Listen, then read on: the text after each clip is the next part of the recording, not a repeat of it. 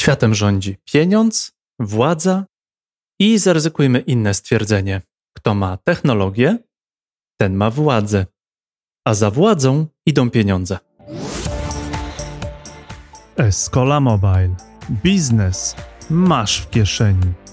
W tym odcinku gościmy Sylwię Czubkowską, dziennikarkę technologiczną i redaktorkę prowadzącą Spiders Web Plus.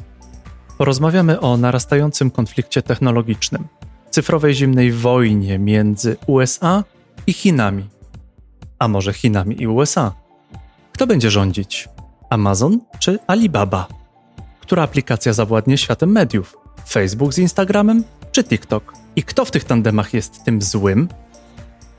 Wciąż rozpatrujemy, czy Europa ma siłę w obliczu technologicznego starcia gigantów.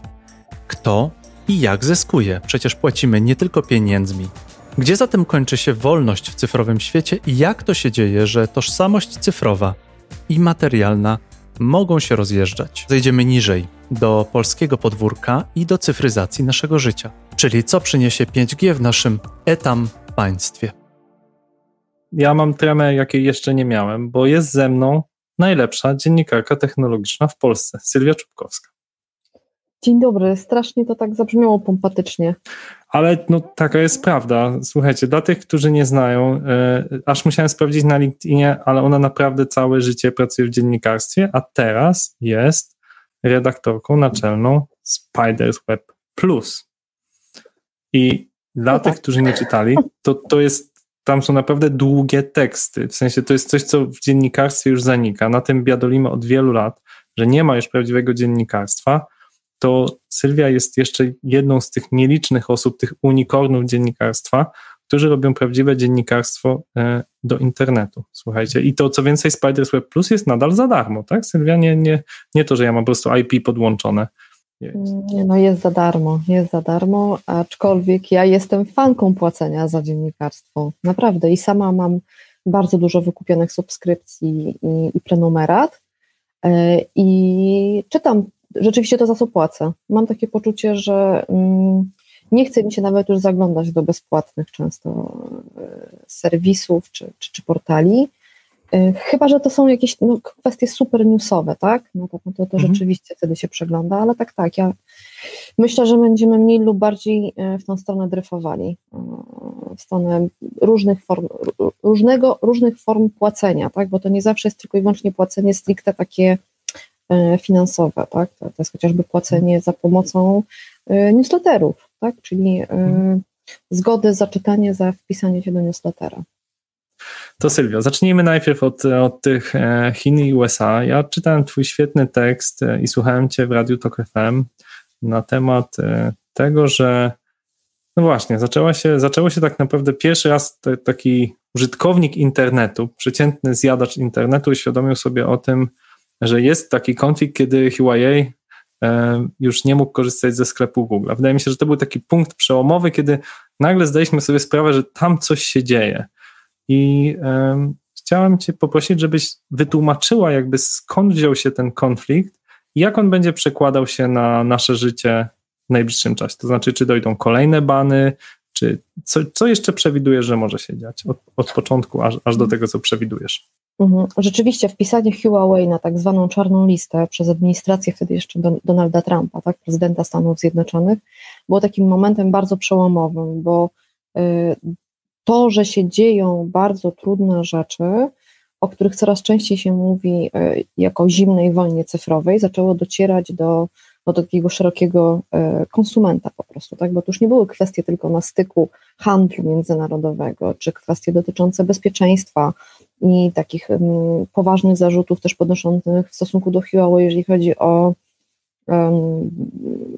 zachowanie bezpieczeństwa ich sprzętu telekomunikacyjnego, ale takiego związanego z budową sieci telekomunikacyjnych. Wpisanie na czarną listę Huawei, a między innymi, bo to nie tylko Huawei trafił na tę czarną listę, e, spowodowało, że mm, firmy amerykańskie, firmom amerykańskim zablokowano możliwość prowadzenia mm, takiej bezpośredniej, e, bezpośredniej, bezpośrednich kontaktów e, biznesowych, tak, ze wskazanymi podmiotami. efektem tego było rzeczywiście odcięcie, ale takie nie takie, to nie było takie odcięcie mm, z dnia na dzień, tak? To, to, nie, było, to nie była taka, taka gilotyna, tylko to było wskazanie, że od pewnego momentu e, nie można prowadzić e, bezpośrednich kontaktów biznesowych, stąd właśnie wycofanie między innymi e, Huawei'a z, ze sklepu Google, ale też z Androida, tak? I wtedy rzeczywiście konsumenci odczuli, coś się dzieje, tak? Bo telefony Huawei, sprzęt Huawei jest niezwykle popularny, nie tylko w Polsce, jest niezwykle popularny na świecie.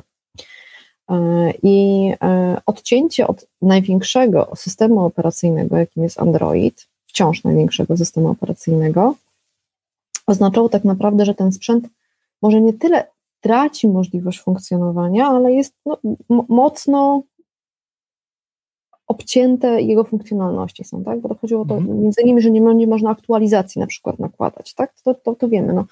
To z tego, że mamy aplikacjach, nie możemy ich aktualizować zgodnie ze zmianami zachodzącymi gdzieś tam w, w, w tych, w, tych, w tym software'ze. E, I to był rzeczywiście taki moment bardzo, bardzo przełomowy, ale co bardzo ważne, to nie jest tak, że nagle nam ten Huawei zniknął z półek sklepowych, że nagle nam zniknął z, z naszej optyki w ogóle myślenia, tak? o sprzęcie, bo co się zadziało? Po pierwsze okazało się, że ta, to, to, właśnie nie jest gilotyna, tylko to jest proces postępujący i nagle zaczęło się trochę wycofywania, dwa kroki do przodu, krok do tyłu. Po drugie Huawei e, sam dokonał ucieczki do przodu i zaczął przygotowywać własny system operacyjny. E, co tak naprawdę e, może się, mo, może się okazać, okazało się w pewnym sensie ogromnym kopem rozwojowym dla tej firmy, tak?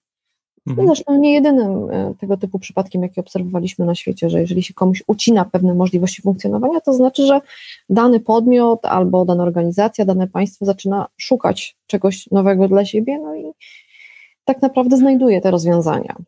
To porozmawiamy o tym od strony właśnie mm, firm deweloperskich czy użytkownika, bo do nas na przykład jako e, Escoli zgłosił się Huawei, proponując nam, żebyśmy nasze aplikacje, choćby Radio 357, dosyć popularną aplikację, którą mamy w sklepach, napisali do Huawei App Gallery i mm. inne aplikacje, które są w naszej dyspozycji. I mnie to zastanowiło, czy w takim razie Twoim zdaniem jest taki potencjał, że wyrośnie nam trzeci gracz, czyli że no właśnie, Huawei jest, na tyle jest. stanie się mocny w Chinach i będzie miał tak wielkie finansowanie, że jakby będziesz miał iOS, Android i ten system Huawei'a? Jak najbardziej. To znaczy, już to zjawisko widać, bo póki co rzeczywiście system operacyjny Huawei jest przygotowywany dla Huawei'a, ale nie ma żadnych tak naprawdę ograniczeń, żeby w przyszłości nie był również systemem e, podstawowym dla Xiaomi, Oppo, Redmi, i całej masy producentów sprzętu mobilnego z Chin. E, I to by rzeczywiście wprowadziło nam taki trochę triumvirat tak, na tym rynku software'u e, mobilnego w miejsce no, duopolu, który póki co funkcjonował, czyli duopolu Apple'a i Androida należącego do Google'a, co jest tak naprawdę w pewnym sensie trochę zdrowszą sytuacją. Nie ma co się oszukiwać. Patrząc od strony konsumentów, no tak, no, no lepiej mieć trzy do wyboru niż dwa do wyboru, czyż nie? Jak ja Zasady myślę rynkowe o, o... są takie, wydawać by się, mówię, wydawać by się mogło jasne, tak? Te zasady. No tak, ja patrzę na to oczywiście nie tylko z perspektywy konsumenta, ale i dewelopera aplikacji, który woli mieć dwa systemy, albo najlepiej jeden, jak teraz są rozwijane w tych cross-platformowych e, architekturach typu Flutter czy, e, czy, czy React Native. Ale jeśli trzy systemy, to we mnie od razu budzi się taka obawa. Chińczycy i to ciągłe podglądanie, którego oni w ogóle się nie wstydzą, że mają ten system scoringowy swoich obywateli, że nawet widziałem w szkołach są, dzieci mają nakładki na głowę, czy uważają i że oni ciągle te dane zbierają i przetwarzają za pomocą e, tych algorytmów sztucznej inteligencji. I jak ja myślę o odkurzaczu, który kupuję, który oczywiście jest z Chin, z jakiejś tam marki X, który jakimś przypadkiem chce się podłączać do mojego Wi-Fi. Jak ja myślę o kamerce, która sprawia, że obserwuję sen mojego dziecka, która jest oczywiście chińska, no bo jest najtańsza i właściwie już nie ma żadnych innych kamerek niż chińskie. I sobie myślę, czy jak ona się łączy po Wi-Fi, a musi się łączyć, czy ten obraz mojego dziecka nie trafia automatycznie do Chińczyków. I teraz, jak ja jeszcze będę miał ten telefon, czy to nie będzie tak, że Chiny będą nas tak już bardzo, bardzo śledzić? Czy te, te obawy są Twoim zdaniem uzasadnione? Znaczy, ja odpowiem tak. Ja nie mam ani odkurzacza inteligentnego, ani klimatyzatora inteligentnego, ani kamerek, ani nawet telewizora nie mam.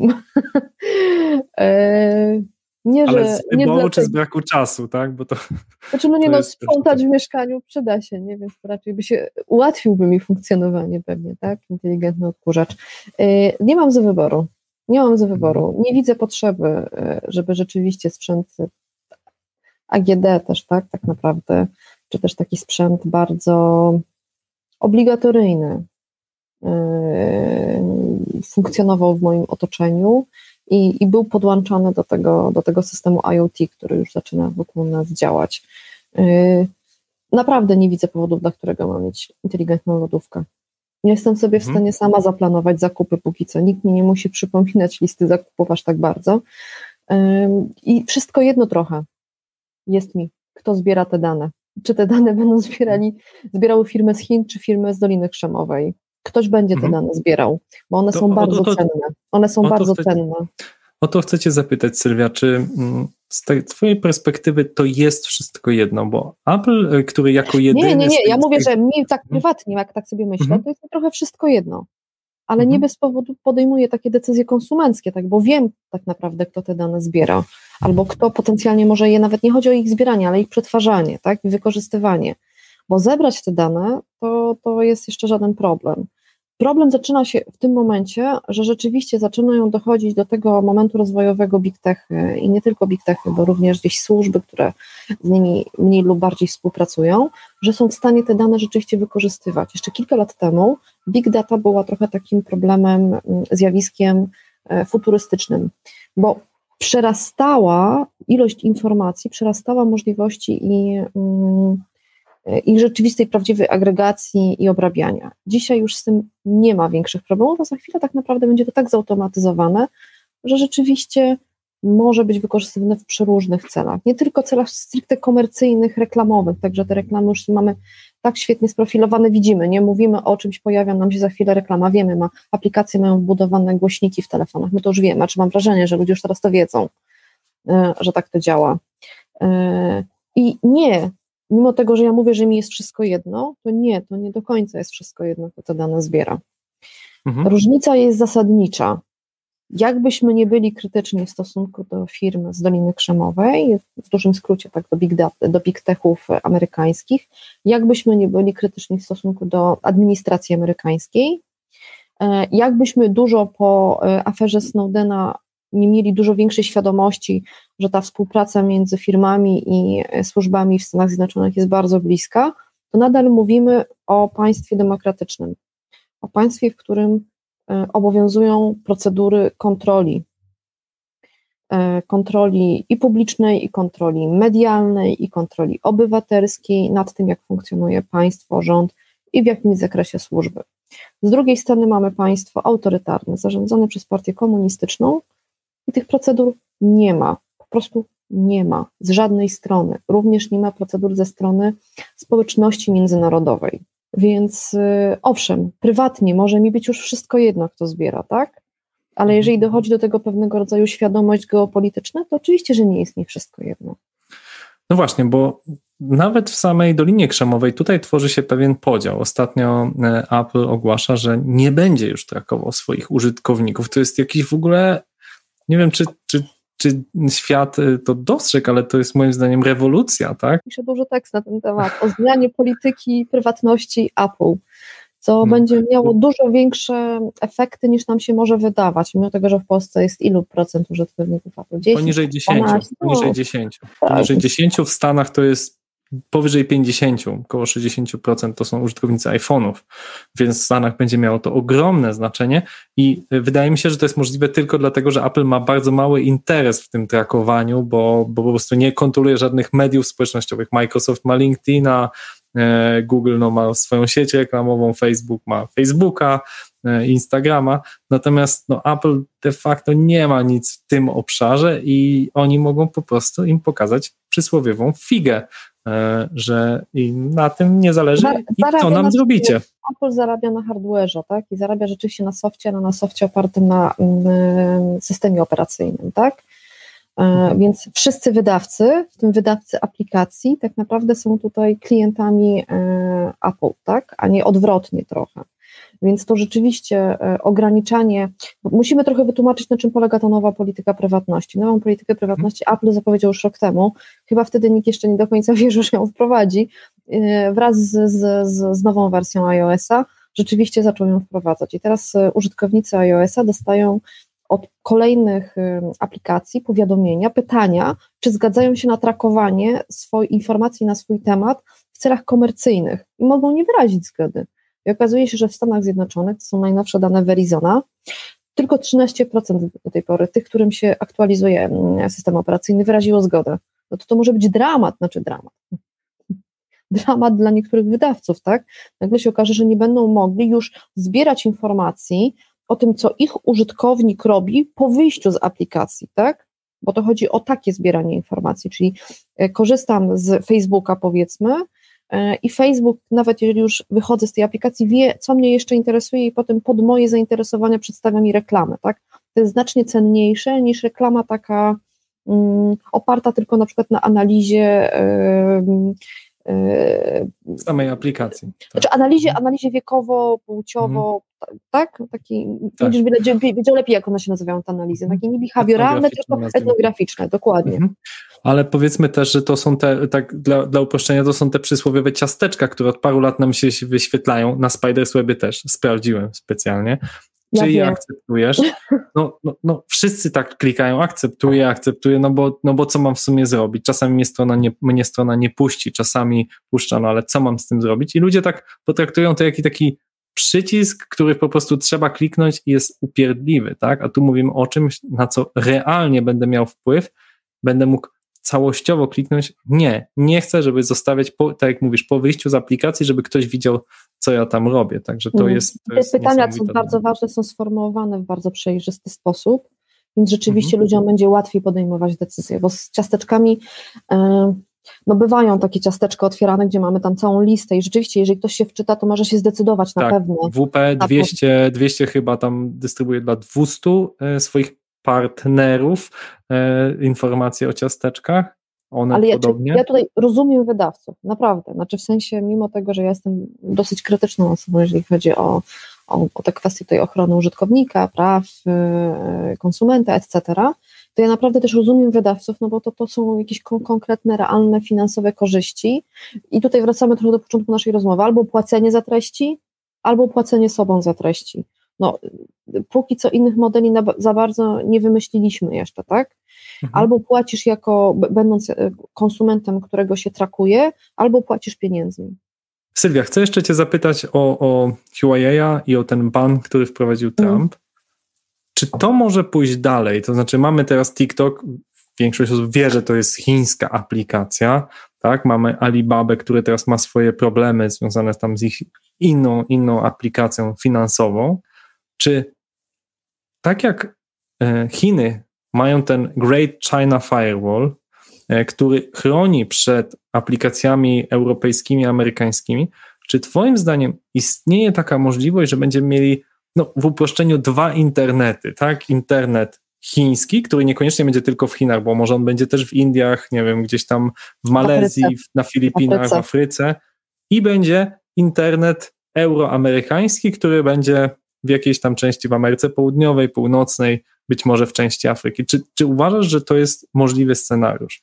Taki scenariusz troszeczkę się już dzieje, bo obok rzeczywiście tego wielkiego, słynnego chińskiego muru cyfrowego, tak, który rzeczywiście blokuje wszystkie te podmioty, które nie zgodziły się na zasady, y, no, jakby nie było narzucane przez partię komunistyczną, tak, czyli chociażby zgody na cenzurowanie pewnych treści, albo posiadanie swoich oddziałów w Chinach, zawiązywanie kooperacji z chińskimi podmiotami. E, to nie znaczy, że wszystkie amerykańskie firmy na to nie idą. Amazon na przykład y, y, czy Apple y, spokojnie dogadało się z, mniej lub bardziej dogadało się z chińskimi władzami, ale bardzo dużo, bardzo ważnych, czyli, czyli Google, czyli Facebook, czyli Twitter, z tych takich najbardziej takich wyrazistych, są zablokowane. To zjawisko już mamy, tego rozdziału, nawet nie chodzi o sam internet i usługi internetowe, bo to jest taka najbardziej widoczna warstwa, ale rozdziału mm, i inwestycji, i takich stref wpływów i rzeczywiście po części też proponowanych usług. To zjawisko jest widoczne od mniej więcej dwóch, trzech lat, nazywa się decouplingiem, czyli takim rozdziałem. I tutaj Huawei jest bardzo dobrym przykładem. Bardzo dobrym jest tutaj tak naprawdę takim głównym być może papierkiem lakmusowym tego, co się dzieje. Bo nie chodzi już nawet o same słuchawki Huawei i system operacyjny, jaki jest w nich oferowany, tylko chodzi tutaj już o udział Huawei w budowie sieci 5G. Mhm. E, problem bardzo skomplikowany, ja wiem, że trudny do zrozumienia, bo tutaj się miesza wiele różnych porządków ludziom i, e, i dużo różnych trudnych terminów. O 5G pogadajmy w kontekście Polski, czyli w dalszej części, a ja mhm. chcę Cię jeszcze zapytać o USA, o jedną rzecz. Sprawdziłem ostatnio wycena tych pięciu największych spółek, tam alfabetu, czyli, czyli dalej mówione, mówimy Google, tak, e, Facebooka, Amazon, Microsoft i oczywiście Apple, to jest już, nie wiem, ponad 8 miliardów, y, nie, to źle mówię, miliardów, biliardów. Biliardów, biliardów, tak. tak. Ja wiem, to są już takie sumy, że my nie jesteśmy w stanie sobie w ogóle wyobrazić, tak? To jest powyżej jakiejkolwiek takiej ludzkiej możliwości stwierdzenia, jak duża jest ta spółka. One są gigantyczne, gigantyczne. Pamiętasz, ile to było? Dwa lata temu, jak Apple mhm. jako pierwszy przekroczył... Tak, Apple przekroczył mil, y, bilion, bilion, bilion dolarów i ludzie mówili, chwytaj się za głowę, ile to jest, że to jest jakby polskie PKB razy ile. Niemożliwe. Jak może jedna firma, która nie jest spółką, no wiecie, no, y, y, opartą na ropie, czy na jakimś przemyśle, takich twardych rzeczach, ona produkuje telefony i no laptopy. No 50% tak, no. wpływów ponad to są telefony. 50% ponad. I nagle ma taką estymację. No tak, tak. Jeszcze bardzo urosły w czasie pandemii. No, bo też no właśnie, i przez pandemię one właściwie sprawdzałem, podwoiły się prawie, że tak, licząc właśnie od, od tam, licząc koniec tego. I zaczęło mnie zastanawiać, czy to się kiedyś skończy. No bo zauważ, że y, kiedyś y, y, Unia Europejska kiedyś się nazywała Europejska Unia Węgla i Stali, czy wspólnota, Europejska Wspólnota Węgla i, i Stali. Czyli wtedy węgiel i stal w latach 50. były najważniejszym zasobem, jakim ludzie dysponowali, bo z tego się budowało tory, drogi i tak dalej, i wieżowce. W tej chwili tym największym zasobem, no właśnie jest co? Te, te dane, tak, którymi mm. dysponują te firmy. Więc moje pytanie jest, czy Twoim zdaniem to się kiedyś skończy? To znaczy, czy może przyjść taki moment, że te 8 e, bilionów zostaną w jakiś sposób zatrzymane przez albo regulacje, jakiś sztuczny podział tych spółek, albo coś jeszcze innego, właśnie nie wiem, jakiś kataklizm, tak? Czy, czy Twoim zdaniem istnieje scenariusz, że to się zmieni, tak? Nie wiem. Czy to już będzie tak wiecznie? Nie wiem, nie wiem. To znaczy, powiedzmy tak, o kataklizmach wolałabym się nie wypowiadać, bo od roku lepiej ten temat nie wypowiadać, bo się okazuje, że się potem sprawdza. Rzeczywiście y, na, jedno się na pewno kończy. Nie, nawet się nie kończy, jedno się już skończyło. Skończyła się pobłażliwość mhm. E, w stosunku do tego, jak te firmy działają, jak rosną, jak zarabiają, jak płacą podatki, e, czy też właśnie jak ich nie płacą, jak traktują swoich użytkowników, to się skończyło. I to się skończyło mhm. wszędzie praktycznie. To się skończyło w Stanach Zjednoczonych, to się skończyło w Unii Europejskiej, to się nawet po części skończyło w Chinach w stosunku do tamtejszych dużych, dużych firm, takich mhm. tamtejszych big techów. E, I to się skończyło z różnych powodów. E, są tu powody fiskalne, bo rzeczywiście e, w świecie, w którym widzimy, że te firmy gigantycznie rosną, gigantycznie zarabiają, widzielibyśmy też i liczylibyśmy też na porządne wkładanie swojego kamyczka do budżetów publicznych, tak? Szczególnie, no że no skoro, wydatki skoro korzystają z inżynierów, tak? Skoro skorzystają z inżynierów, którzy są kształceni za pieniądze państwowe, to miło by było, gdyby. Bo my mieliśmy takie przekonanie, że to są takie startupy, że ten Facebook, oglądamy ten film e, The Social Network i że tam chłopaki na uniwersytecie wymyślili jakiś fajny portal, on się akurat tam rozkręcił, tylko że teraz on ma 2,8 miliarda użytkowników, tak? To już jest no, powyżej jednej trzeciej. No, tak, tak. tak, powyżej jednej trzeciej, prawie poło, tak, połowa ludzi dorosłych na świecie z tego korzysta, tak? Jakby mówimy o korzystaniu regularnym, przynajmniej raz w miesiącu. E, więc, no nie, nie, to nie są startupy, to nie są startupy, to tak, nie są więc to już nie jest Mark.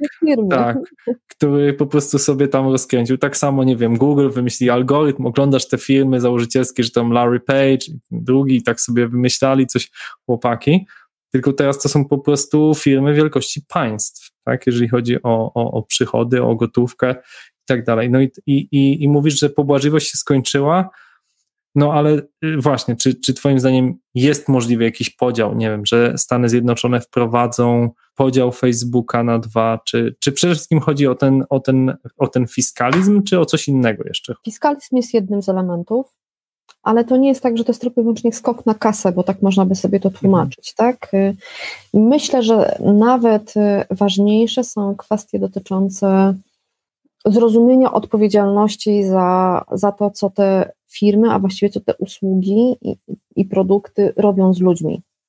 I to narastało, to narastało na różnych poziomach. Mieliśmy aferę Cambridge Analytica, e, przeszło dwa lata temu, trzy lata temu, trzy lata temu, o rano, tak. Przeszło trzy lata temu aferę, która pokazała, jak dane agregowane przez Facebook, sprzedawane tak zwanej third party, tak, czyli trzecie, trzeciej, trzeciej, nie wiem, firmie można powiedzieć, trzeciemu podmiotowi, mogą być wykorzystywane do manipulowania ludźmi podczas kampanii wyborczej. E, mieliśmy e, wielu whistleblowerów, którzy pokazywali, unoaczniali nam, tak, jak te firmy korzystają też z informacji zbieranych o ludziach w różnych celach reklamowych, politycznych, e, w celach lepszego targetowania behawioralnego nami, tak? Więc ta świadomość zaczęła urastać. Ona zaczęła najpierw urastać u analityków, prawników, w NGO-sach, tak? wśród dziennikarzy i wreszcie też dotarła do polityków z różnych powodów. Oczywiście czasami są to powody czysto takie merkantylne, praktyczne. Tak? Moja opcja coś przegrywa, nie wiem, mnie banują. To jest ten słynny case Trumpa, tak? Hmm. Dopóki hmm. jego banują, to jest to złe, ale jeżeli banują przeciwników, to jest to ok, tak? prawo Kaliego trochę w, w internecie. A to zaczęło docierać. Jak bardzo to dociera, widać to po kolejnych przesłuchaniach szefów big techów przed Kongresem Amerykańskim. Kiedy przesłuchiwano Marka Zuckerberga po aferze Cambridge Analytica, no to było to dla do, ludzie, którzy rzeczywiście siedzą w tej tematyce, oglądali to z, z lekkim bólem zębów. Nie no, to był mem, to był mem, to znaczy to, co oni go pytali i w jaki sposób... To, jak funkcjonuje internet, tak? Tak, jak Facebook. zarabia Facebook? Były to słabe pytania, były one śmieszne, były one na poziomie no, trochę polskiego Sejmu, nierzadko, tak? I nagle rok temu, latem, podczas podobnych przesłuchań, wtedy już kongres wezwał do siebie wszystkich praktycznie prezesów największych spółek, Świetnie byli przygotowani kongresmeni, oni zglanowali po prostu. To było kilka godzin męczarni i pytań bardzo szczegółowych, które wskazywały wyraźnie, że wiadomo już o co chodzi. Że nie chodzi jak działa Facebook, ale dlaczego Facebook jest właścicielem Facebooka i Instagrama? Dwóch być może największych konkurencyjnych platform społecznościowych. Przecież to jest monopol. Mhm. Dlaczego jest właścicielem i Nike, czy, czy, czy powinien być właścicielem? Czy powinniśmy ten monopol rozbijać? Co więcej, były insiderskie głosy pokazujące, że Zuckerberg doskonale wiedział, kupując Instagram, że mogą być takie zarzuty za jakiś czas. Tak? Były wyciągnięte maile e, z korespondencji e, jakiejś wewnętrznej firmy. E, były pytania dotyczące Amazona i tego, jak Amazon, który jest nie tylko platformą handlową, ale również sam sprzedaje produkty swoje pod własnymi markami, wiedząc, co się sprzedaje, innym, mniejszym podmiotom, bo ma te dane, no bo jest też agregatorem danych. Jak wiedząc, co się sprzedaje, jak się sprzedaje, gdzie się sprzedaje, wykaszał mniejszą konkurencję. Czyli znowuż działa jak monopolista, tak? I to monopolista nie na jednym rynku, bo Amazon bardzo lubi mówić, że e, on ma tylko 3% handlu amerykańskiego. No, świetnie, nie? No bo większy jest Walmart i sklepy lokalne, ale to nie, nie, nie ma sensu tak porównywać. Więc byli świetnie przygotowani e, kongresmeni. E, co ważne jeszcze, zmieniła się administracja w międzyczasie, tak? Mamy nowego prezydenta stycznia, Joe Bidena, który mniej mówi, mniej krzyczy niż Trump o tym, jakie są złe big techy, a więcej robi. E, mhm. Przy czym to nie jest też takie jednoznaczne do końca, że na pewno kurs Bidena będzie kursem stricte antytechowym. Yy, wiceprezydent, pani wiceprezydent Kamala Harris ma dosyć bliskie związki z Doliną Krzemową, więc jest takie trochę mm, przeciąganie aktualnie, ale jest dużo świeżych, ważnych nazwisk yy, rzeczywiście wokół Bidena, które wskazują na to, że mm, idzie idzie nowe, to znaczy idzie rzeczywiście mhm. bardzo e, krytyczne myślenie związane z takimi już konkretnymi regulacjami antymonopolistycznymi, mhm. prokonsumenckimi.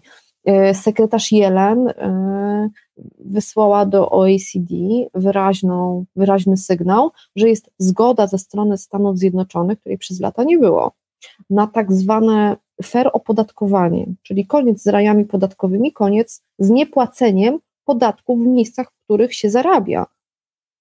To nie będzie do końca wcale zawsze korzystne dla Stanów, bo jeżeli duże korporacje zaczną płacić te podatki od przychodów, tak, ten słynny podatek cyfrowy w Europie, to zmniejszą im się, e, e, bo, do tej pory płaciły, płaciły podatki od powiedzmy, że całości w Stanach Zjednoczonych, więc zmniejszy się ta skala opodatkowania w Stanach.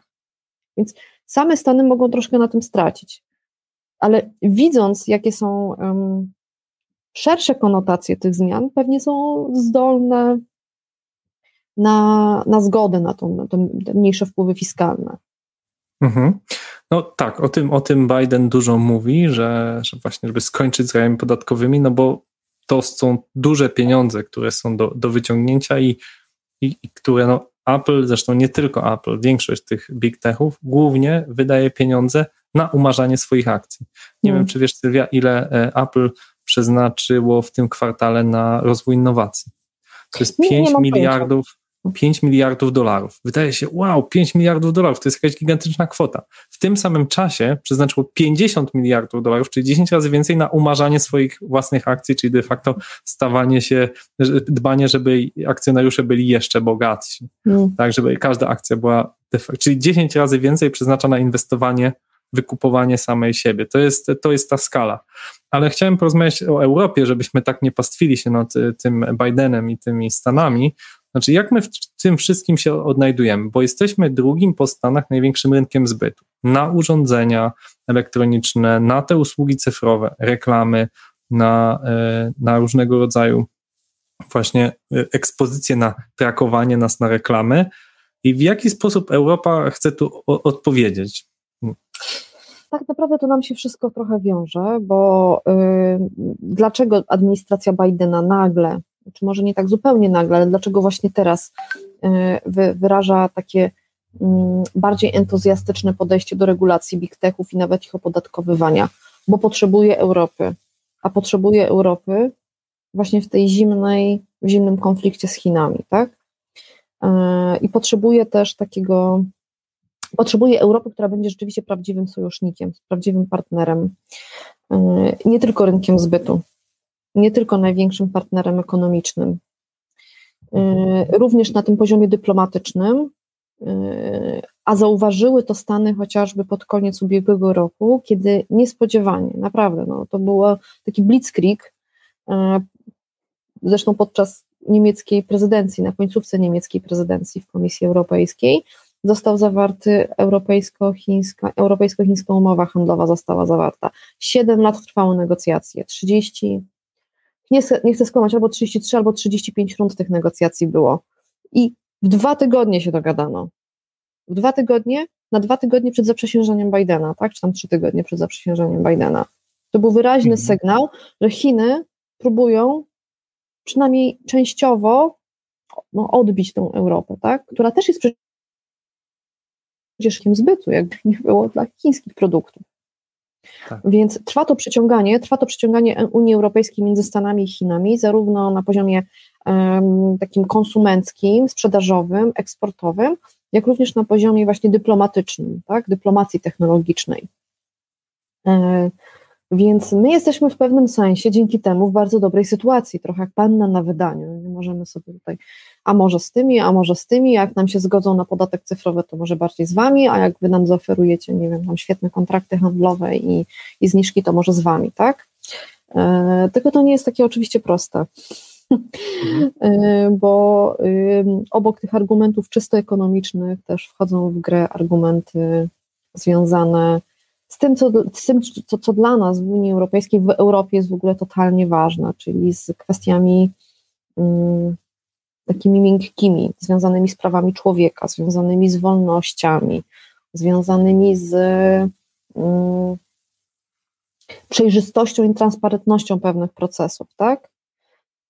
I chociaż nikt, znaczy nie, nie, nie, nieprawda, że nikt, chociaż nie wszyscy jeszcze operują tak bardzo wyraźnie tymi argumentami, kiedy, kiedy zastanawiamy się, tak, yy, z kim grać bliżej, czy ze Stanami, czy z Chinami, to one się jednak pojawiają i one są coraz bardziej wyraźne i wchodzą też do, do, no, do dialektyki, tak, i, i do decyzji bardzo praktycznych, takich bardzo, bardzo praktycznych, właśnie chociażby jak to 5G, do którego pewnie za chwilę przejdziemy, tak? Z kim budować 5G? Na mhm. czyim sprzęcie budować 5G? Czy wystarczą nam ostrzeżenia służb, czy mamy wierzyć w ostrzeżenia służb, czy jednak ważniejsze są argumenty yy, w stosunku ceny do jakości i będziemy mieli szybciej i taniej? 10 mhm. lat temu powiedzielibyśmy co, szybciej i taniej, nie?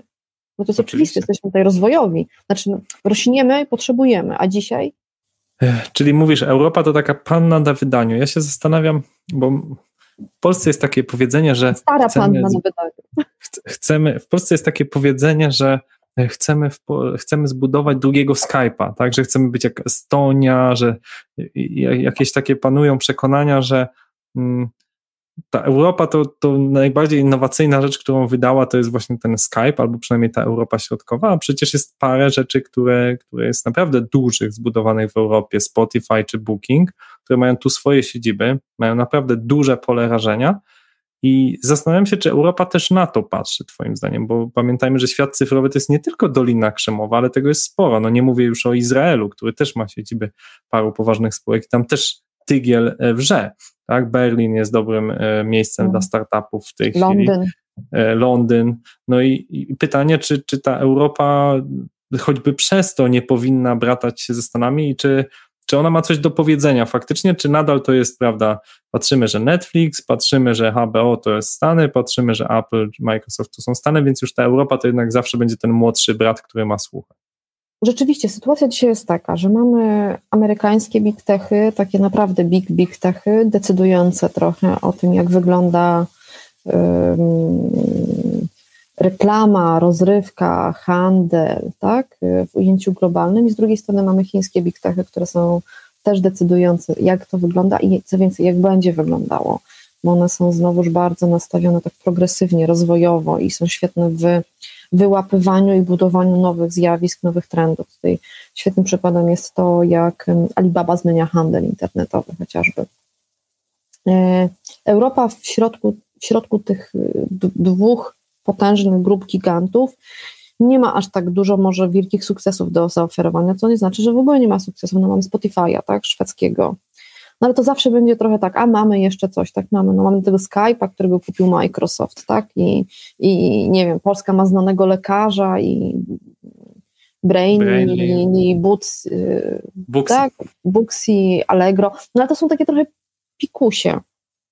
No, Tylko tak. to nie znaczy wcale, że trzeba koniecznie grać w najwyższym, w najwyższej tej lidze tych największych z największych, żeby się liczyć. Ciężko będzie dzisiaj zbudować nowego Google'a, tak?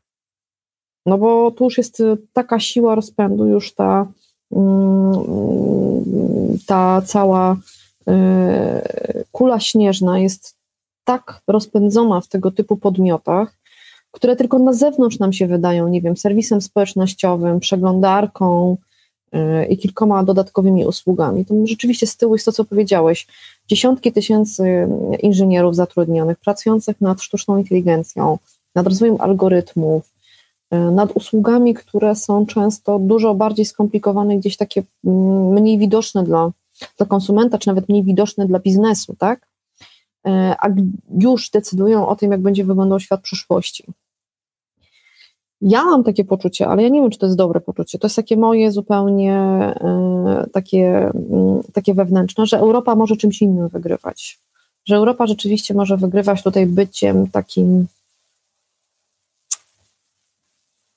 no nie chcę używać słowa policjant, ale takim strażnikiem trochę standardów, mhm. moralności, e, zdrowego rozsądku. Za kilka dni, 25 maja, będzie dwa lata od wejścia w życie RODO. No nie jest to doskonałe rozwiązanie prawne. E, nie jest tak, że nam RODO rzeczywiście wszystko zmieniło i świetnie nas chroni, ale coś zmieniło.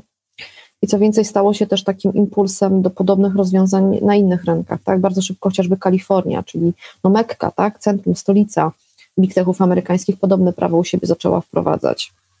Mm, tak. Dzisiaj równolegle przecież obok rozmów o tym, jak nam się technologie rozwijają, jakich to tam algorytmów nie będziemy mieli, co, które nam nie wiadomo co jeszcze zrobią i jak szybkie nie będą telefony i czego 5G nie zmieni, mamy równie dużo ważnych, ważkich, pogłębionych dyskusji na temat e, etyczności sztucznej inteligencji, regulacji pracy platformowej, mm, tego, czy Netflix, mimo tego, że e, oczywiście dostarcza nam tej rozrywki tak dużo, że przynajmniej w czasie pandemii mieliśmy co ze sobą zrobić, jest faktycznie najlepszym rozwiązaniem, jeżeli chodzi o e, tworzenie tej rozrywki na świecie, tak? To, że się stał globalną już nawet nie telewizją, tylko też globalnym producentem e, idącym w konkurencji z, z Hollywood, tak? I innymi największymi producentami filmowymi, czy rzeczywiście jest aż tak doskonałe? Więc y, ja myślę, że tutaj też jest siła Europy. Mm-hmm, mm-hmm. Tym, tym właśnie zmienianiu tych akcentów, które mm. jest y, pomiędzy wypracowywaniu, wypracowywaniu mm. wartości i zasad, które będą y, wskazówką dla reszty mm-hmm. rynków. Zresztą, zresztą to ciekawe, co mówisz właśnie o, o RODO, że na przykład Mark Zuckerberg wielokrotnie mówił, że początkowo był bardzo sceptyczny, że to jest ograniczanie praw, a w tej chwili stał się wręcz zwolennikiem. No, no. Warto dodać, że to dla niego jest też korzystne, tak? Co bo... ma mówić? Co ma mówić? dla niego to jest korzystne, bo to też ogranicza e, wejście innym, tak? Jest trudniej wejść innym. Ale ja chcę powiedzieć, Sylwia, że masz rację, że już coraz trudniej się przebić z produktami. Wydaje się, że już nie powstanie nic gigantycznego, natomiast mnie fascynuje fenomen TikToka, który e, w tak krótkim czasie zbudował, oczywiście używając reklam na, na istniejących platformach, tak, Facebooku, Instagramie i tak dalej, ale jednak stał się konkurencyjną platformą społecznościową w rynku, w którym wydawało się, że już karty są rozdane. Na LinkedIna, że tam jest ta, ta poważna rzecz, ten Facebook, który w sumie jest tak dla wszystkich, gdzie tam ten Snapchat niedawno był dla tych rzekomo młodych, którzy już nie są tak młodzi, bo Snapchat ma już ponad 10 lat i, e, i Instagram, plus y, komunikatory, tak, WhatsApp Messenger. A jednak, tak, okazało się, że tańczący Instagram ma, czyli TikTok, ma swoje szanse. I tu jest tak naprawdę trochę klucz do myślenia o tym, co się jeszcze może pojawiać. Tym kluczem jest patrzenie na to, że dzisiaj funkcjonujemy w społeczeństwach, w których następowanie po sobie pokoleń jest znacznie krótsze, to znaczy te pokolenia to już nie są 20 czy 25-letnie, tylko póki co, no teraz myślimy o dekadach, tak, że mamy nowe mhm. pokolenie, pokolenie alfa, urodzone około 2010 roku, czyli takie pokolenie, które nie zna świata bez iPhone'ów, tak, bez smartfonów, e, nie zna telewizji bez Netflixa i nie zna mediów społecznościowych bez TikToka. Jeszcze niedawno zachwycaliśmy się Zetkami, e, czyli pokoleniem końca lat 90., które znowuż nie znało świata bez TVN-u, bez PiSu i Platformy, i bez Facebooka, tak? E, I, I, rzeczywiście to, to, to zjawisko, że dla kolejnych wchodzących, nawet nie dorosłość, bo to nie jest dorosłość, ani to nie jest dojrzałość, wchodzących w taką dojrzałość konsumencką, można powiedzieć, tak? Teoretycznie wciąż 13 lat jest takim momentem i w regulaminach, i w takich trochę w naszym takim common sensie, tak? Kiedy dziecko już ma na tyle dużą dojrzałość, że może podejmować jakieś decyzje w internecie, też decyzje finansowe na przykład, to to się, to się bardzo obniża. To się bardzo obniża ten wiek, bardzo się skraca następowanie po sobie rzeczywiście nowych, nowych trendów też konsumpcyjnych w sieci i ci, którzy to wyłapią, wygrywają. Na Facebooku nie ma zetek, tak? Bo na, bo na Facebooku są rodzice zetek, są milenialsi i zetki nie chcą być w miejscu, w którym są ich rodzice. E, na Instagramie są zetki, ale mają konta dla siebie zamknięte i konta otwarte, żeby rodzice widzieli, czy tam nauczyciele, tak? TikToka już y, nie byli w stanie zrozumieć milenialsi. Lat milenialsów TikTok był czym tam, rakiem mózgu, nie troszkę. Trzeba było dwóch, trzech lat, żeby się do tego przekonali. Ja tylko czekam, co się pojawi za 2-3 lata, jaka, jaka nowa, bo to, bo to też nie jest tak, że to są do końca super nowości, tak? No, y, TikTok, wideo zapętlone kilkunastosekundowe, my znaliśmy tą formę, tylko ona trochę inaczej jest podana i w innych celach. Ale też i zmieniają się te wszystkie usługi, co jest niezwykle ciekawe też z takiego punktu widzenia w ogóle dziennikarskiego.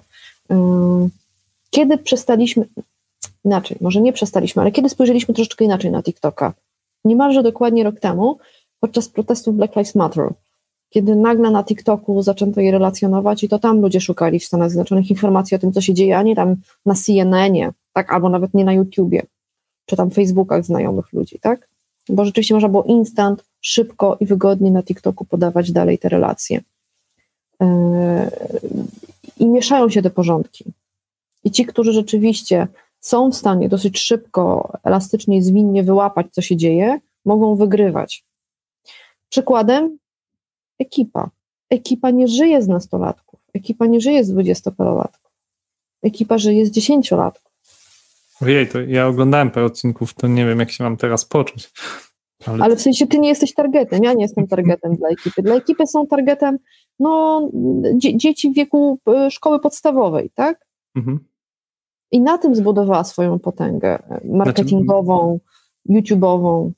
Znaczy, jeżeli ja mogę zwrócić uwagę jeszcze na jedno zjawisko, które, jak już rozmawiamy o, o tych zjawiskach internetowych, to mnie y, w ekipie i na TikToku fascynują te zjawiska, które przenikają się do offline'u. Czyli jak w początkach TikToka, jak się tam e, krzyknęło kebab czy pizza, czy jakieś tam, to ludzie się potrafili odzywać, bo znali te zaśpiewki i tam ludzie się zachowywali e, w określony sposób, także w offline, w sklepie, gdzieś tam w klasie i tak dalej. E, jak popatrzysz na ekipę, oni bardzo dużo przenikają się z offline'em, czyli nie wiem, dzień chodzimy na różowo i faktycznie ja jestem w stanie sobie wyobrazić, że albo nie wiem, skaczemy tylko na lewej nodze, no albo nie wiem, koło losuje, nie wiem, jakąś liczbę, w której wszystko robimy. I ludzie się w to bawią, to znaczy to ma ten aspekt rozrywkowy, no bo tak jak mówisz, jak, jest, jak człowiek jest w podstawce, to głównie myśli o rozrywce, całe życie jest rozrywką, nie licząc szkoły, e, to, to faktycznie rozrywka jest czymś, co, co, co przechogarnia nasze życie, także offline'owe I, i mnie fascynuje, że ten, to przenika tak bardzo do takiej kultury mainstreamowej. No, mamy to mieszanie porządków, tak? Offline, offline, online już od dawna. Mamy mieszanie porządków socialowych, internetowych i takich tradycyjnych. No za chwilę pewnie będziemy też mieli, mieli takie naprawdę wyraźne i wygodne mieszanie się też porządków i rzeczywistości yy, wizualnej i rozszerzonej rzeczywistości, tak? Póki co jeszcze te prace są takie, jakie są, bo każdy, kto korzysta z jakiegokolwiek urządzenia z rozszerzoną rzeczywistością, to póki co wie, jakie są efekty. Znaczy one po prostu fizycznie nasze ciało do tego jest niedostosowane. Albo te urządzenia są niedostosowane do naszej fizyczności, tak? Tam robi się niedobrze, są bóle głowy, no takie, takie efekty są skutki uboczne. No ale to też jest kwestia czasu. No to już były przecież i są przecież podejścia, coraz więcej jest gier mobilnych, tak? Które gdzieś wykorzystują też um, tą, tą rozszerzoną rzeczywistość. No to jest kwestia czasu, naprawdę. Nie wiem, czy kwestia miesięcy, czy kwestia lat, ale dożyjemy. Mhm. To o, o, dwie rzeczy chcę Cię jeszcze zapytać. Mm, no właśnie, wspomniałeś pandemię. Jesteśmy rok i dwa miesiące, bo ja liczę jako 1 marca tą graniczną. Jesteśmy rok, dwa, trzy miesiące po, po pandemii. I ta pandemia unaoczniła wiele rzeczy. Myślę, że zeszłoby nam długo, żeby je wymienić. Tak jak zmieniły się relacje między nami, to, że choćby teraz nagrywamy się e, zdalnie, to, że właśnie więcej naszego życia przeniosło się do online'u, no ale między innymi przeniosło się e, nasze życie, tyle od lat mówiło się o tej cyfryzacji i takim chyba największym sprawdzeniem cyfryzacji była szkoła, tak, znaczy szkoła, która się scyfryzowała.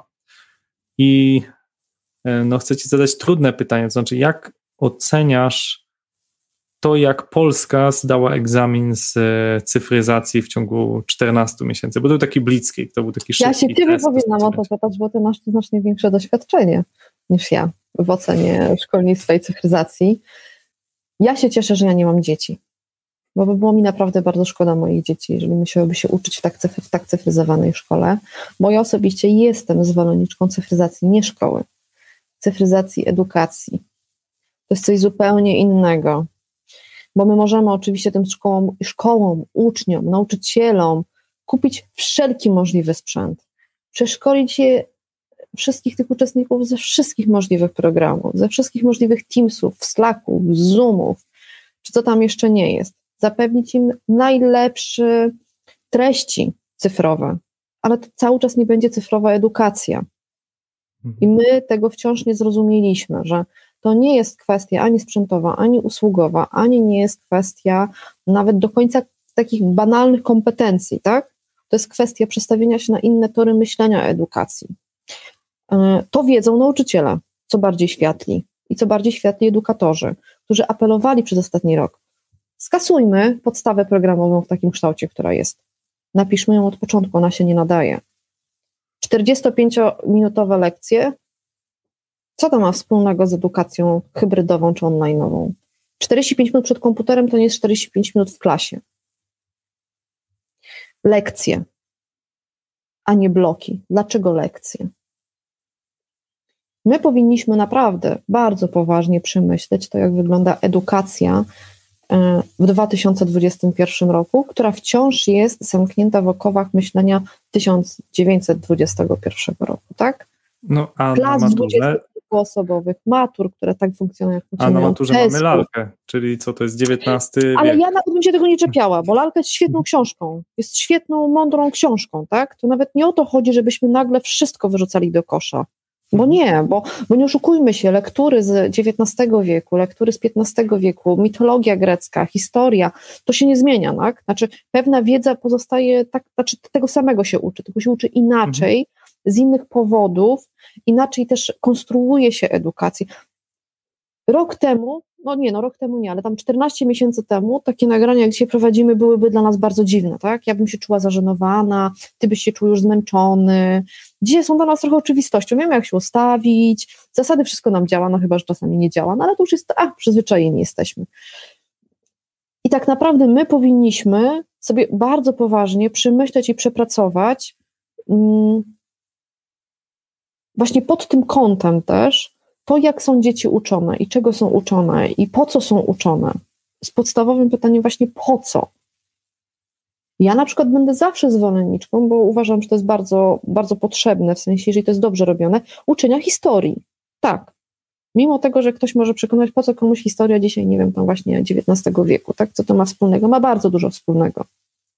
Tylko trzeba to inaczej być może skonstruować, żeby rzeczywiście dzieci i nastolatki wiedziały, po co im to jest. Jakie to daje konkretnie im korzyści również w myśleniu o tym, co, co robią, tak? jak funkcjonują. Dlatego podstawa programowania, no to, to, to, co jest aktualnie podstawą programową, to w ogóle to się nie nadaje, no to jest do wyrzucenia. I jeszcze jedna rzecz powinna być wprowadzona jak najszybciej. Obowiązkowa edukacja medialna. Od pierwszej klasy mhm. do ostatniej klasy, a nawet od przedszkola a nawet od przedszkola, edukacja medialna, szeroko rozumiana, bo to nie tylko jest. Już teraz byśmy ją nazwali bezpie... social medialna. Nawet właśnie nie chodzi, nie chodzi już tylko o funkcjonowanie w samym internecie, nie tylko w mediach społecznościowych. Dezinformacja, fake news, cyberbezpieczeństwo, no, tak, tak. wszystko, tak? Mhm. Wszystko. Tak, tak, czytanie, często... czytanie, słuchanie, co jest, y, y, mhm. co jest opinią, co jest komentarzem, co jest faktem, tak? Co jest informacją. Mhm. Z tym jest naprawdę ogromny problem y, w, tym, w, tych, w tych młodszych pokoleniach, które mm, nie chowały się na tak jasno podzielonych porządkach, tak jak my się chowaliśmy. My byliśmy, wiedzieliśmy, co jest opinią, a co jest faktem, tak? Teraz to się wszystko bardzo miesza. Więc obowiązkowa edukacja medialna, naprawdę. No i. A ja mówię, a mówię social medialna, bo to też się wiąże z zagadnieniem, który mi jest szczególnie bliski, e, czyli cyfrowego dobrostanu, czyli to, mm. że według opinii samych nastolatków, nie mojej opinii, samych nastolatków i nastolatek w szczególności, nie ma nic bardziej depresjogennego niż Instagram i oglądanie genialnie wyfiltrowanych, wyćwiczonych Pięknych. kobiecych ciał, które po prostu nie są prawdziwe, bo wystarczy. Ja robiłem wiele eksperymentów w tym zakresie, e, ale wystarczy po prostu zobaczyć, takie są e, dziewczyny, które demaskują, w jaki sposób robione są te upiększacze, makijaże, e, jak ciało jest ustawiane, żeby ono pięknie wyglądało. Takie rzeczy moim zdaniem powinny być obowiązkowe w ramach Twoich zaproponowanych lekcji medialnych. bo nie zawsze do tego dotrzemy i powinniśmy sobie ciągle o tym powtarzać, że to jest świat e, zmitologizowany, tak? A, a jest on dużo bliżej niż billboardy, które, które znamy i, i przez to nam się mhm. wydaje taki bliski. I jak już e, jesteśmy na, e, na deser, zostawiłem to pytanie o 5G, bo wszyscy chcielibyśmy, żeby wszystko szło do przodu, żeby szło szybciej i między innymi, no, jak widziałem ostatnio reklamę właśnie Apple'a, to ona, ona właśnie zwracała uwagę, że to wszystko dzieje się tak błyskiem, tak szybko. I, i, i tak natychmiast mamy te, te wszystkie rzeczy na telefonie i że do tego telefon właściwie stanie się takim centrum wszechświata, ale tak naprawdę dochodzi jeszcze o dużo więcej, tak? Wspomnieliśmy na początku rozmowy o tym, że lodówka będzie gadać z odkurzaczem, czy coś nie wypadło z lodówki, nie trzeba tego posprzątać i, i fabryki będą mogły działać szybciej i tak dalej, i tak dalej. Więc pewnie z perspektywy użytkownika to znaczy, że będzie działać wszystko szybciej, tak, i będziemy mieli świetny internet w domu, ale to tak naprawdę chodzi o taką zmianę w paradygmatu myślenia, kto do tego internetu się łączy, że nie tylko ludzie, ale też i maszyny. Hmm. No i my na ten internet 5G, ci, którzy z technologią mają więcej do czynienia, tak jak ja, to tak czekają jak na, jak na deszcz e, na Saharze, no ale na razie chyba jeszcze na niego poczekamy, więc jak to, jak to będzie? Ile, ile jeszcze poczekamy na to 5G? Rok i 11 dni temu, w środku nocy, podczas obradów Komisji Sejmowej nad tarczą 3.0, niespodziewanie wyrzucono do kosza i aukcję 5G i prezesa UPE ówczesnego. No, żeby było jasne, naprawdę tarcza tego nie, nie dotyczyła, ale dało się do, dołożyć. Yy, powody były i polityczne, i geopolityczne. Geopolitycznym powodem była właśnie kwestia tego, że yy, aukcja już trwała. Trwała od bodajże czterech miesięcy, a nie zadbano o to, by, bo, bo w aukcji trzeba wytłumaczyć, to nie sprzęt, nie to kto będzie dostarczał sprzęt jest brany pod uwagę, tylko operatorzy walczą o bloki częstotliwości, żeby budować tą, tą, tą znaczy wstawiać, y, uruchamiać sieć nowej generacji i nie zadbano, by ci operatorzy wiedzieli, na kim mają budować tą, tą sieć. Przy czym, żeby było jasne, nie ma w Polsce konsensusu wcale, nie ma też konsensusu w rządzie, że nie mogą tego budować na sprzęcie firmy Huawei, chociaż ona oczywiście tutaj jest takim magicznym mm, papierkiem lakmusowym największych problemów, ale chciano zostawić sobie furtkę, że w razie gdyby rzeczywiście była taka potrzeba, były takie argumenty, to była możliwość zblokowania Huawei i od lata ubiegłego roku jest procedowana nowelizacja ustawy o Krajowym Systemie Cyberbezpieczeństwa, w, którym, w której są te zapisy, ja co trzy miesiące słyszę mniej więcej od y, naszych polityków związanych z, z telekomunikacją i z 5G, że to już w tym kwartale, to już w tym kwartale na pewno trafi na rząd, a jak UKE będzie miała oklepnięte, to aukcja rusza. Już, tylko warto powiedzieć, bo myślę, Sylwia, że to nie wybrzmiało z Twoich ust, że to naprawdę jest spór geopolityczny, bo tak, Huawei nam się kojarzy z, z, z tanimi telefonami, natomiast akurat w 5G można powiedzieć, że Chińczycy no, mają lepszy sprzęt od Amerykanów w tej chwili. Nawet to, że tańszy, to wiadomo. Sprzętu. Amerykanie no właśnie, nie mają to, sprzętu. To, że tańszy, to wiadomo, ale oni naprawdę mają ten sprzęt lepszy. I teraz mhm. trochę Polska jest przed takim dylematem, czy stawiać to właśnie na tym tanim i już dostępnym sprzęcie 5G, czy czekać na to, aż y, no, rynek dojrzeje, tak mówiąc w Znaczy to jest nawet troszkę bardziej skomplikowane, bo rzeczywiście tutaj jak mhm. mówimy o Europie, to tutaj Europa ma konkurencję w stosunku do chińskich produktów, bo to jest tak, Ericsson, tak, Ericsson, Ericsson i Nokia, tak? Są tutaj mhm. no, najbardziej Ericsson, ale Nokia też trochę. Y, konkurencją. Trochę jest Samsung. Amerykanie są mocno z tyłu, ale pewnie gdzieś tam kiedyś dogoną, nie wiem, Cisco chociażby. E, ale rzeczywiście Huawei jest największym potentatem y, dostarczania sprzętu do budowy sieci 5G, który w tym zderzeniu stosunek ceny do jakości wygrywa.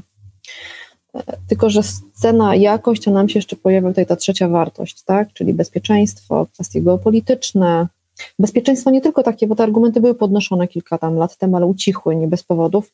To nie chodzi o backdoory, że nagle ktoś nam się zacznie włamywać do tej sieci 5, 5G.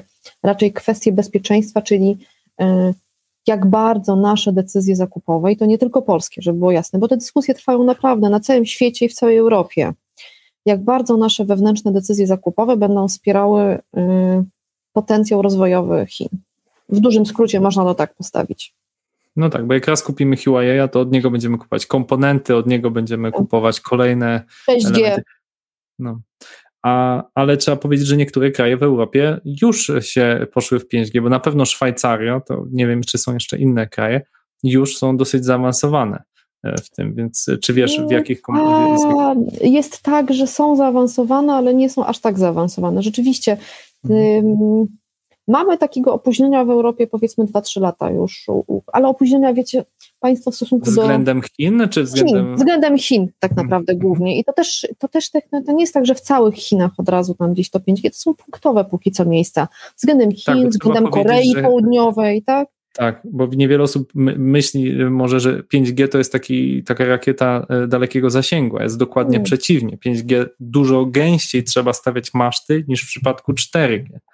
Teraz 4G, no to to prawda mamy na co parę kilometrów i to wystarczy. Tu będzie trzeba co gęściej niż co kilometr mm. stawiać maszty i to wymaga faktycznie no, gigantycznych I to rzeczywiście to są, to są rozwiązania dla miast, dla lotnisk, dla dużych ośrodków takich e, fabryczno przedsiębiorczych, tak? Raczej 5G, no może być 5G potraktowana trochę jak taka alternatywa na białych plamach czasami, tak? Jak, jak są białe plamy, mm, ale to nie jest tak, że nagle siecią 5G będzie sens pokryć całą Polskę. Nie, nie będzie takiego sensu i takiej potrzeby nie będzie po prostu, tak? E, więc tak samo i w Chinach, i w Korei, są na przykład lotniska niektóre są pokryte siecią 5G. Świetnie, ale jakoś w ostatnim roku niespecjalnie przydatnie bo nie ma ruchu lotniczego. Tak? Więc jest to opóźnienie, ale rzeczywiście ze względu na pandemię ono jest znacznie mniej pilne i takie bolesne niż mogłoby być. Co do Europy, naprawdę te dyskusje trwają wszędzie, prawie wszędzie i naprawdę one nie są proste. Yy, I, i, I co chwilkę następuje zmiana decyzji. Przykładem są Niemcy. Yy, już otwarcie rynku dla wszystkich, ale może jednak nie bo CDU jednak wolałoby być bliżej ze stanem, nie wiem, z opcją chińską czy amerykańską, więc to przetasowania są co chwilę. Tak samo Francuzi, nawet była wizyta w ubiegłym roku ministra spraw zagranicznych chińskiego w Europie e, i prezydent Macron mu e, powiedział niemalże wprost, jesteśmy w Europie, wspieramy europejskich producentów.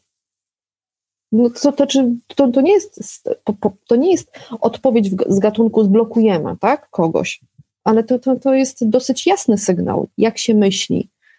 E, przy czym za tym sygnałem niekoniecznie idą od razu takie jednoznaczne decyzje. To jest bardzo ważne, bo naprawdę mm, to są inwestycje rzędu wielu miliardów dolarów na każdym rynku i te, decy- i te decyzje i te inwestycje będą musiały też podnosić prywatne firmy telekomunikacyjne, tak? E, więc jest tutaj tak wiele różnych interesów zdarzających się, że gdzieś w zapowiedzi dzisiejszej tej naszej rozmowy było, tak, czy yy, kto jest, yy, czekaj, jak to było ładnie opisane, kto jest tym dobrym tam z tym starciu, tak, Chiny, Stany Zjednoczone. Ja się zarzekam, że ja nie powiem, nie ma takiej opcji, żeby powiedzieć, kto jest dobry, bo to nie jest kwestia bycia dobrym lub złym, to jest kwestia tego, czy ja, bo prawdę mówiąc, my sami sobie też musimy trochę na te pytania odpowiadać, które wartości są dla mnie w danym momencie ważniejsze. Bo rzeczywiście może jak przyjdzie mi kupić dobry klimatyzator, i się okaże, że jest tylko chiński, to ja się nie będę zastanawiała, tak, że wspieram chiński przemysł. Potrzebuję klimatyzatora w odpowiedniej cenie i jakości, tak, przykładowo. E, I tutaj argumenty ochrony praw człowieka i tego, że w Xinjiangu na Ujgurach jest testowane, e, testowana jest e, technologia rozpoznawania twarzy, gdzieś mi znikną z tyłu głowy. Ale takie argumenty gdzieś też pojawiają się, co jest bardzo ważne w myśleniu o dużych zakupach, to znaczy zakupach krajowych, można powiedzieć, albo e, mhm. regionalnych, tak, decyzjach, o sojuszach politycznych. Tam no, no, żyjemy w ciekawych czasach.